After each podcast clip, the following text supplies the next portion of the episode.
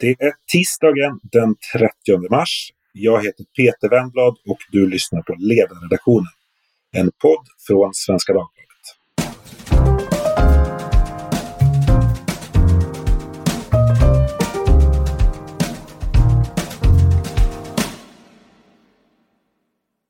Idag.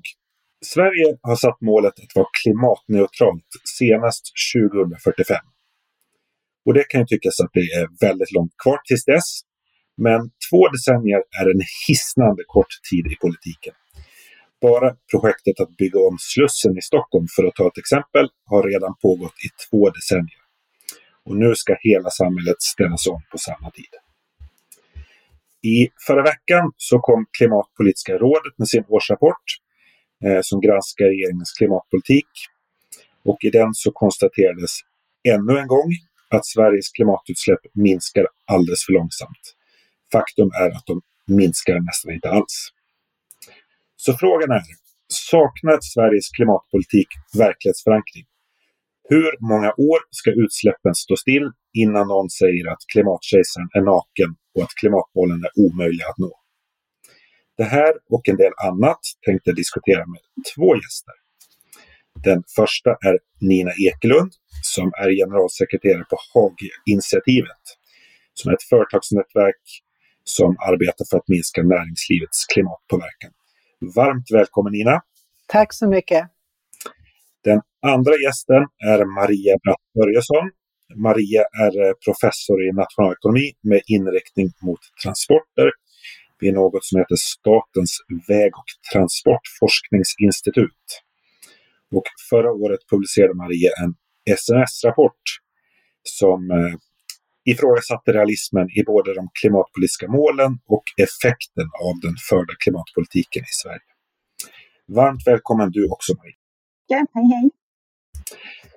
Jag tänkte börja med dig Nina. Om man tittar på hur utsläppskurvorna ser ut eh, och hur, hur de har sett ut under lång tid. Om man tittar på alla de så här, villkor som måste vara uppfyllda för att näringslivet ska klara av kunna genomföra sina klimatomställningsplaner. Är Sveriges klimatpolitik och klimatmål realistiska? Jag skulle vilja säga till visso. Eh, vi har gjort stora omställningar i Sverige förut.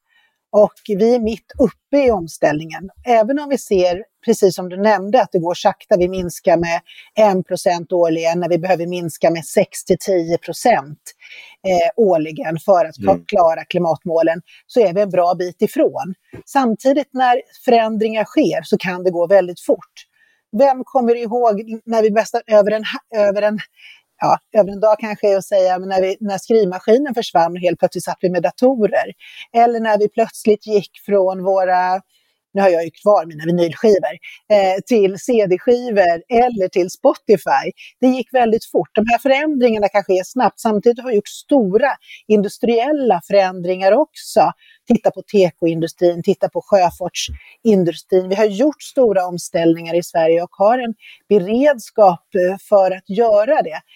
Men tittar jag på siffrorna, att det är 1 årligen när vi behöver ligga på 6 till 10, ja men då kan jag ju tycka att det går för sakta. Men jag tror också att de här hoppen kan komma när vi väl får saker och ting på plats. Men det gäller att politiken då levererar politik som underlättar för företagen att ställa om. Och där pekar det Klimatpolitiska rådet på ett antal saker som behöver ske för att vi ska kunna lyckas. Va, vad säger du Maria? Vad talar för att Sverige klarar klimatmålen? Alltså jag tror att man måste göra skillnad på olika klimatmål. Eh, vi har ju några olika. Vi har ju ett som gäller till 2045 som gäller alla sektorer. Och det tror jag nog kanske att vi skulle kunna nå. Det tror jag är lättare på ett sätt än det här klimatmålet som gäller för transportsektorn som är 2030. Ja, eh, för det är det, det du har tittat särskilt på. Ja, precis. Jag har ju bara ägnat mig, alltså min forskning rör ju transportsektorn, så det är ju transportsektorns klimatmål och det har ju ett eget mål som, ingen, som inte andra sektorer har, som är tidigare lagt också, för det gäller till 2030. Och det är det målet som jag tror, med alltså den politik som finns idag, eh, nog inte kommer nås. Det är klart att det skulle kunna nås och jag tror att det är lättare att nå det till 2045 för då har man mer tid på sig. Men 2030, det är ju bara nio år dit. Och det kan vara lite lurigt. Mm. Ja, för, för lyssnarna så kan vi bara en liten bakgrund där. Som sagt, Sverige ska vara, svenska samhället som helhet ska vara klimatneutralt till 2045 enligt klimatmålen. Mm. Eller netto noll. Ja, precis. Netto noll. Mm. Så, så, som ingen förstår vad det betyder. 85 procents minskning till 2045. Ja. Eh, men för den inrikes transportsektorn, och det om jag har förstått rätt, det, då pratar vi liksom bilar, Vägtrafik. Lastbil, ja, vägtrafik. Och, mm. Räknas flyget också? Nej, flyget räknas inte in dit. Nej, det gör det inte. Nej. Det ska vara, då, då vara 70 procent lägre klimatutsläpp 2030 än 2010. Yes, precis. Och eh, det är ju det är ju betydligt svårare att nå eh, om vi samtidigt ska tänka att det ska vara rimliga samhällsekonomiska kostnader. Det ska vara hållbart så tillvida att det ska inte leda till att utsläppen ökar någon annanstans eller i någon annan sektor. Eh, så det är ju liksom, ja, och det ska ju helst göras på ett sätt också som gör att andra länder vill följa efter. Så mm. gör det på ett smart sätt. Och det är ju som väldigt kort om tid. För du sa ju i, en, i samband med att du släppte den här SNS-rapporten i augusti var det väl? Mm. Eh, så blev du intervjuad lite här och var och eh, i en av de intervjuerna så sa du att just att eh, lite tillspetsat då, mm. alla vet att klimatmålet inte kommer nås men det är ingen som, som pratar om det. Ja. Kan, du, kan, kan du utveckla vad du ja, menar? Jag måste lägga till där då i, med den, bes, den beslutade politiken, den som ligger nu, nio år kvar till målet. Mm. Eh, så finns det ju, det finns ju flera, flera stycken instanser som visar att då kommer vi inte att nå målet. Eh, och, eh, men det är klart att det det, det som jag sa, det är ju det är fråga om politik och hur mycket uppoffringar man vill göra. Men det är ju väldigt viktigt, tycker jag, att man inte gör det till priset av att utsläppen ökar på andra ställen eller det blir någonting som andra länder inte kan ta efter eller inte vill ta efter. Men eh, en fråga som ni väl båda kan få nappa på och se vem som gör det snabbast. Så vad är det som, vad är det som krävs för att både liksom det då målet till 2030 och målet till 2045 faktiskt ska vara möjligt att nå? Jag skulle nog säga att Klimatpolitiska rådet pekade på ett antal saker. Och en sak som vi har pratat väldigt länge om i samhället som behöver påskyndas är ju att vi måste ha snabbare miljötillstånd.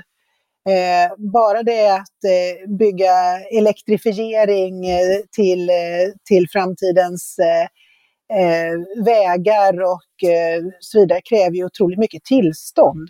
Eh, och kan vi skynda på de tillstånden och få snabbare beslutsprocesser utan att demokratin urholkas, eh, så, så skulle det vara otroligt viktigt. Det är ett sådant exempel som jag tror skulle, skulle leda till att vi faktiskt skyndar på saker och ting. Så just att skynda på miljötillstånden är någonting som eh, som behöver ske? Jag skulle säga att det viktigaste är att man eh, politiken blir bättre på samhället i övrigt att verkligen utvärdera effekterna av det. Det finns väldigt många klimatåtgärder och många av deras effekter görs ju knappt någon ansats ens att försöka utvärdera. Och nu pratar jag mest om transportområdet där jag, där jag känner till det. Det görs ju väldigt mycket åtgärder. Du kan tänka bonus, malus och flygskatt och elcykelpremier och stora järnvägssatsningar, allting. Men vad är effekten? Att verkligen, vi har inte tid liksom, med, med att göra massa saker som inte har någon effekt, utan man verkligen siktar in sig på vad har effekt, försöker utvärdera dem och gå väldigt tydligt på det. Det tror jag skulle vara väldigt ja, för, för i din rapport, Maria, eh, du, du använder inte den lite laddade termen symbolpolitik, eh, men jag, jag, gör det. eh, men där konstaterar du att liksom många av de säga, politiska åtgärder som vi förknippar med klimatpolitik, alltså satsningar på kollektivtrafik och, eh, och öka cyklande och vad det nu kan vara för någonting. Att, att eh, även om det får effekt så får det vad ska säga, bieffekter. Alltså det får små effekter på utsläpp och, och bieffekter som liksom motverkar sitt syfte. Alltså. Mm, ja, det behöver ju inte vara symbolpolitik i, i i den meningen att den som genomför dem bara inte tror att de har någon effekt, utan tror också att det är genuint jättesvårt i transportområdet för att vi har det som eh, jag skulle kalla rebound-effekter som du är inne på. Till exempel blir eh, bilarna mer energieffektiva så blir det billigare att köra och då kör vi mer.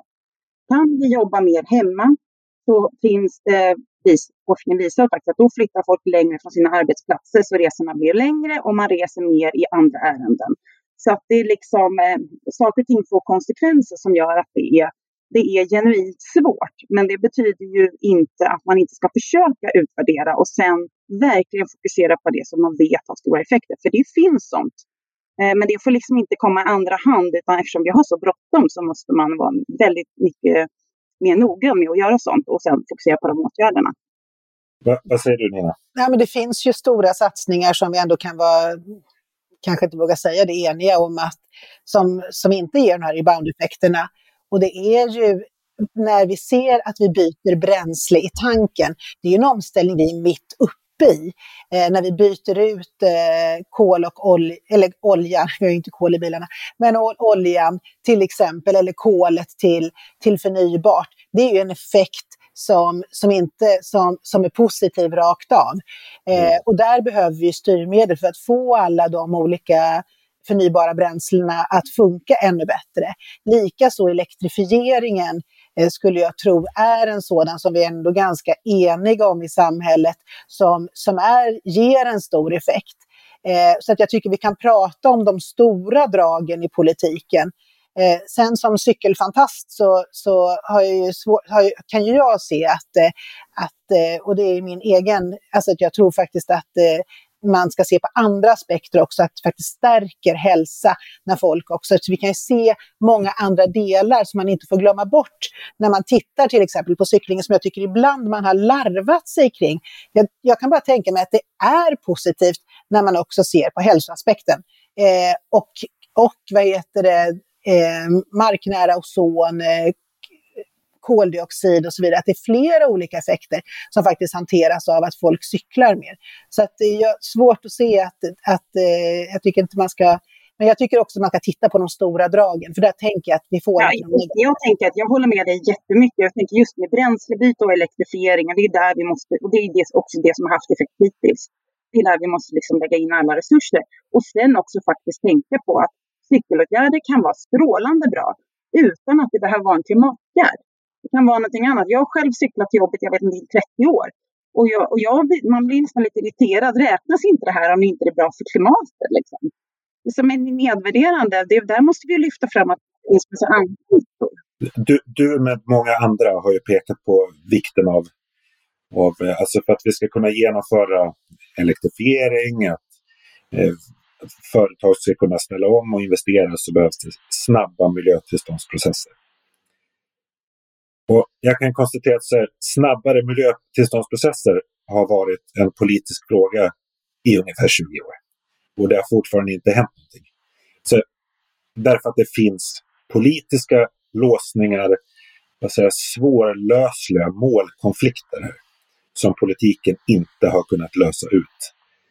Vad ska få politiken att klara att lösa ut målkonflikter som man inte har kunnat lösa ut på, på 20 år. You tell me.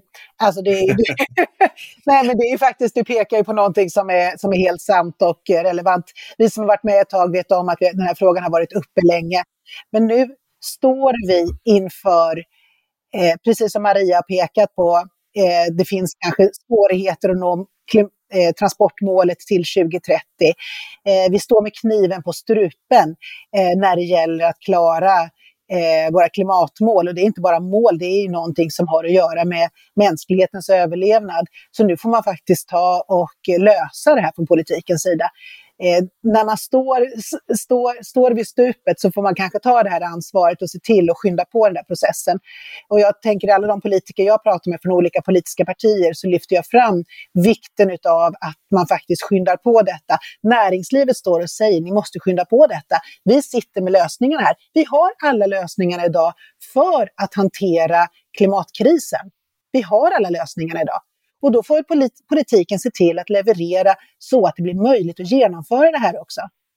Va, vad säger du Maria med din liksom, forskningserfarenhet? Vad ska man ha för förväntningar på politikens förmåga att kunna lösa ut målkonflikter? Nej, men här måste man ju vara positiv ändå. Eh, jag tänker att ehm, eh, nej men det här står ju och faller med om vi når det här målet till 20. Ja, du, säger, du säger att man måste vara vara positiv. Men har, har, man anledning att vara det utifrån erfarenhet? Alltså det kan ju vara ändå så om, om samhället verkligen kraftsamlar och eh, man försöker få ordning på, alltså försöker reda ut vad ska marknaden klara i det här? Vad är politikens ansvar? Vem ska finansiera det här? Och försöka göra en sån sammanhållen strategi och verkligen fokuserar eh, resurserna, fokus på det som är allra viktigast och pengarna också. Så, så så tycker jag att det borde kunna gå. Det finns en sån stor vilja och också kunskap i samhället nu att det skulle kunna gå. Men det måste ju starta nu.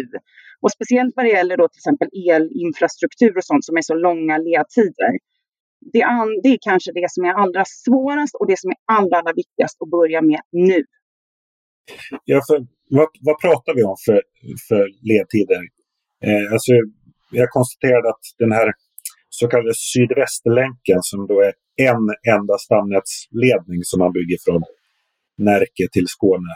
Den har man ju då byggt i 16 år, tror jag det och den har blivit försenad 21 gånger.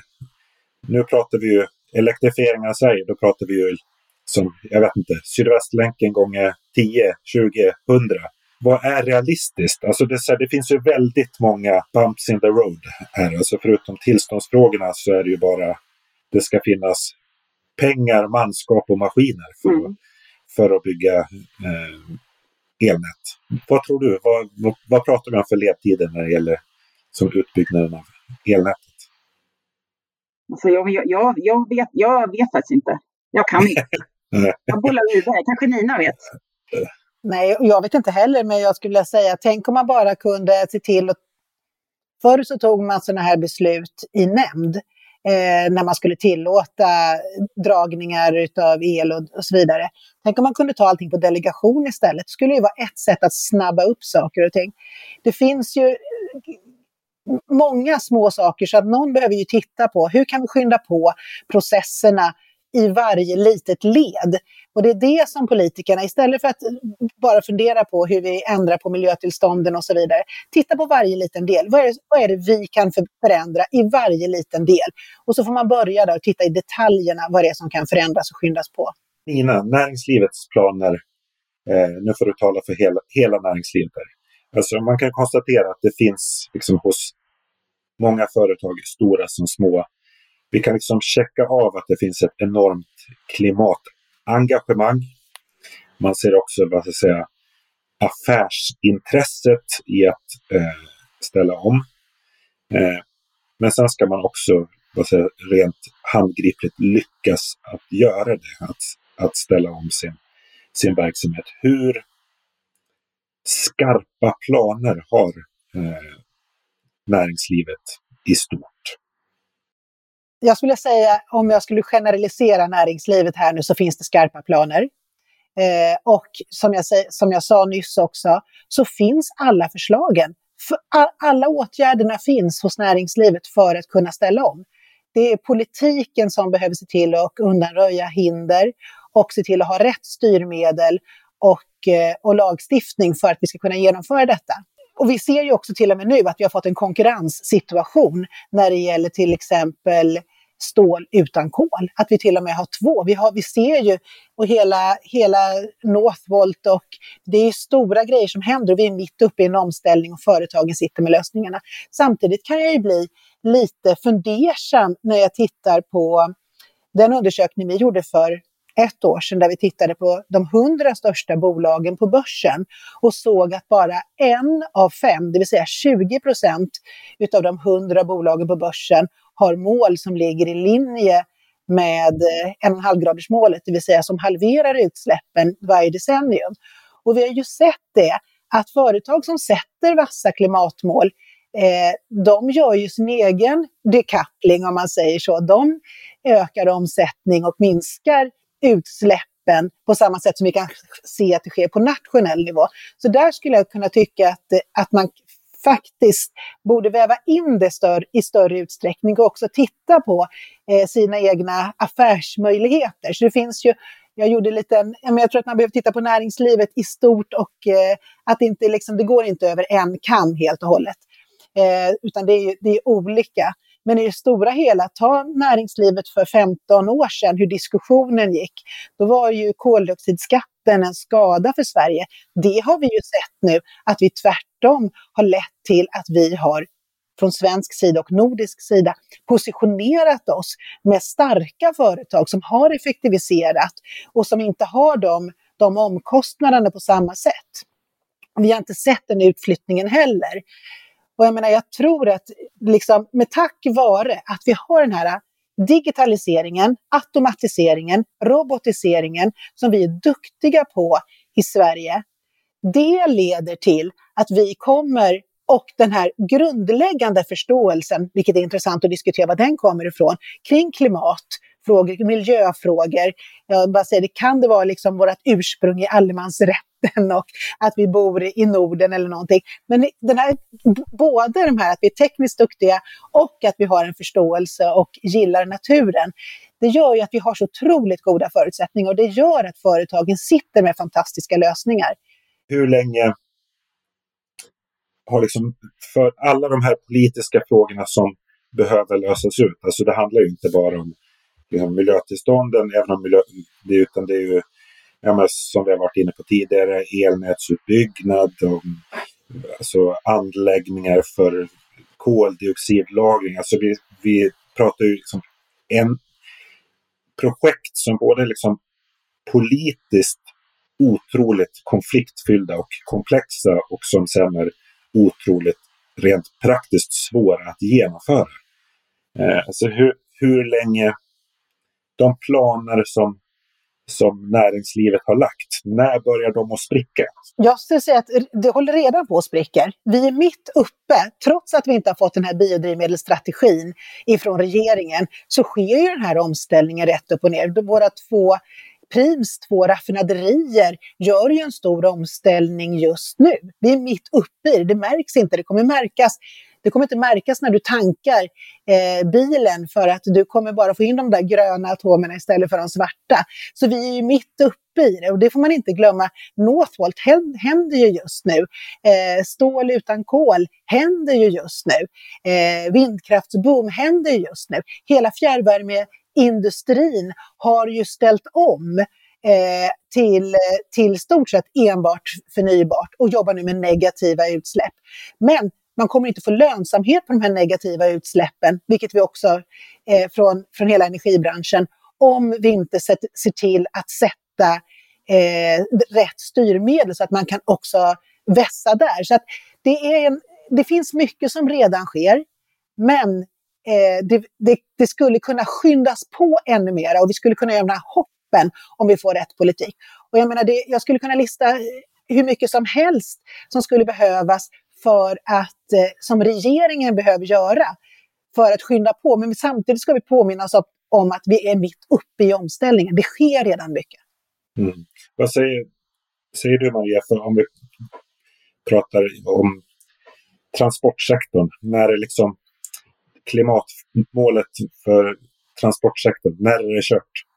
Alltså jag tror inte man ska se det alls som varken eh, transportsektorns klimatmål eller, eller det andra klimatmålet som att det är kört eller inte, utan i värsta fall, det som händer det är att det tar lite längre tid. För eh, alltså till fram, vi tänker 2040 om man tänker transportsektorn, då har det gått så lång tid. Vi har liksom hunnit, det tar lång tid att byta fordon till exempel för elektrifiering och laddinfrastruktur. Så. Men det går ju betydligt bättre. Så det värsta som kan hända är att det är ju att ta lite längre tid. Det är inte så att liksom allt går går, går, går. Nej, för, för jag, vet, jag, jag minns inte om det var i din forskningsrapport eller om det var någon annanstans jag snappade upp det. Just om vi tar som exempel omställningen av fordonsflottan, alltså mm. vi ska gå över till mm. att för att för att fordonsflottan i Sverige ska vara elektrifierad 2030 så behöver liksom i praktiken 100 procent av fordonen som köps nu. Ja, köptes per procent till och med. Precis. Ja. Det är ju det som är liksom det svårigheten med transportsektorn och kanske flera andra sektorer. Men vi ska tänka på, alltså då är vi inne på sista steget egentligen, att vi ska byta fordon. Och bränslen går ju då fortare med biobränsle eftersom vi kan använda det för, för bilar eller fordon som redan finns. Men annars om vi tänker liksom hela beteendet i transportsystemet, då ska man ju veta det att vi har ett transportsystem med 600 000 kilometer väg, om man räknar med enskilda vägar, och 14 000 kilometer järnväg som har byggts upp under liksom 100 år eller mer på järnvägen. Och vi har liksom, vi bor och vi jobbar och vi är på ställen som har byggts upp den här tiden. Och det är klart att det är oerhört svårt att ändra på, på kort tid. Så, då, ja, så det är därför. Man får väl lite mer tid på så blir allting lättare att ändra i alla fall fordon då. Men eh, nu är det, om vi nu liksom, man kan alltid hoppas att, eh, att saker och ting liksom ska löpa på eh, så snabbt det går. Men om jag ska göra en jämförelse. Jag poddade här en veckan med en eh, forskare om, om så här, avfolkningskommuner, alltså utflyttningskommuner eh, och hur vanligt det är i utflyttningskommuner att, att man, man har en strategi för befolkningstillväxt trots att man krymper. Men man har ingen, ingen strategi för att krympa trots att det skulle vara lika nödvändigt. Utan man sätter sitt hopp till att det kommer vända någon gång. Behöver vi en liksom, klimatpolitisk plan B som träder in om det här faktiskt inte visar sig funka? Nej, jag tänker inte det, utan jag tänker liksom, det finns en väg. Om man tänker så här elektrifieringen, den kommer i princip ske tror jag, ut, oavsett om Sverige gör det eller inte. Alltså, det är ju en hel det är en hel global liksom, utveckling som vi har så, och den drivs ändå där. Och som jag sa, alltså, vi måste ju ändå dit. Så det är bara att försöka göra allt som vi kan för att kraftsamla då hela samhället som, som ni varit inne på innan här, att det, det är alltså utbildningssatsning, infrastruktur, men vi måste hitta smarta sätt att um, ladda bilar och lastbilar för el och all, alltså det är liksom en jätteomställning och den måste vi göra på något sätt oavsett och ju snabbare det går desto bättre. Vad säger Nina? Nej, men vi, vi, behövs en plan B? Nej, vi har ingen planet B, så det går inte, utan vi, vi måste klara detta. Eh, och vad, vad, jag vill ha sagt är att vi har faktiskt gjort en stor resa. Vi är mitt uppe i omställningen. Nu behövs det ännu mer politik och det behövs samarbete mellan de politiska partierna så att de, bör, så att de här förändringarna sker så att vi kan påskynda omställningen ytterligare. Vi ska komma upp och minska 6-10 procent årligen. Näringslivet står med konkreta förslag och, och är beredda att ta samhällsansvar till och med för att man, man sitter med de här lösningarna. Så nu är det politiken som behöver kamma sig och se till att leverera de styrmedel och de, de, de hinder som finns behöver undanröjas. Vilket år blir det första klimatpolitiska rådet konstaterar att förra året minskade utsläppen 10 Får jag gissa? Sätta pengar? 2027 kanske. Eh, om, eh, om sex år så kanske vi kan, vi kan se de ut, utsläppsminskningarna. För jag tänker att det som behöver checka in är ju de här stora satsningarna inom transportområdet. Så Maria kanske är lite mer skeptisk än vad jag är. Men vi behöver se eh, elektrifiering, vi behöver se biodrivmedel, vi behöver se till att, eh, att eh, Prim får sina möjligheter att göra den omställningen. Eh, vi behöver också börja dra i de negativa utsläppen. Så att kan, kan, kan det bli lite, lite momentum här så att man faktiskt lyssnar in den här, den här skarpa förslagen som kom i Klimatpolitiska rådet, det finns massor med förslag där, så kanske det kan hända. Vilket årtal sätter du pengarna på, Maria? Alltså jag tror att det är svårt att sätta några pengar och det beror inte på den svenska politiken utan det här kommer ju påverkas, alltså våra utsläppsminskningar väldigt mycket eh, av EU, hur det går med utsläppshandeln. Där till exempel, där ska man ju successivt eh, sänka ut, eh, taket och det kommer öka, leda till ökade priser. Det kommer påverka oss. EU har också en hel del lag, eller regleringar vad det gäller då fordonsflottan som också kommer påverka i takten i elektrifieringen på en större marknad än Sverige. Så att jag tror nog att, och sen så är liksom hela utvecklingen och utbudet av elbilar som kommer växa snabbt som vi inte riktigt, eh, som inte bara är den svenska eh, marknadens eh, påverkar helt enkelt. Så jag, jag, vet inte, jag tror inte att man ska fokusera så mycket på det där året. Jag tror att man ska fokusera på att vi på 15 års sikt här nu ska kunna klara av det här och börja med det som har längst ledtider, till exempel och infrastruktur har vi bundit ris åt egen rygg med de där årtalen? Alltså jag tror att det är lite, det är klart att det är bra att ha mål, men samtidigt om man missar de där målen så kan de kanske i värsta fall ställa till skad, mer skada än nytta. Um, det viktigaste är ju inte målet. Själva målet leder ju inte till någon, någon nytta med själva utsläppsminskningen. Det viktiga är ju åtgärderna för att nå de här utsläppsminskningarna. Så det är ju där som det är viktigt att lägga mycket fokus, alltså verkstaden. Nina kan få några avslutande ord innan vi ska Jag tror att det är viktigt med årtal för att det vet alla som jobbar i företag och som jobbar i, i politiken att det är bra att ha ett år för då har man någonting att spänna sig mot. Så någonting som man drar sig mot. Och jag tror också att EU-politiken är viktig. Och i och med den gröna given som har kommit så kommer vi se en förändring. För nu under det här kommande året så reviderar man ett 40-tal direktiv för att ligga i linje med en vassare klimatpolitik och det kommer givetvis att påverka Sverige. Vi får eh, se om vi, ska, om vi återsamlas, den här trion, om vi, 2027 eller något sånt där får vi se vad Klimatpolitiska rådet har eh, skrivit i den årsrapporten. Eh, stort tack för att ni kom till SVDs ledarpodd, Nina Eklund och Maria Bratt Börjesson. Och tack till er som har lyssnat. Hör gärna av er till ledarsidan svd.se med kommentarer, frågor och önskemål om framtida ämnen. Jag vill också rekommendera SVDs nya dagliga nyhetspodd som heter Dagens Story. Ett ämne, en kvart, fem dagar i veckan. Producent idag var Jesper Sandström. Tack för idag.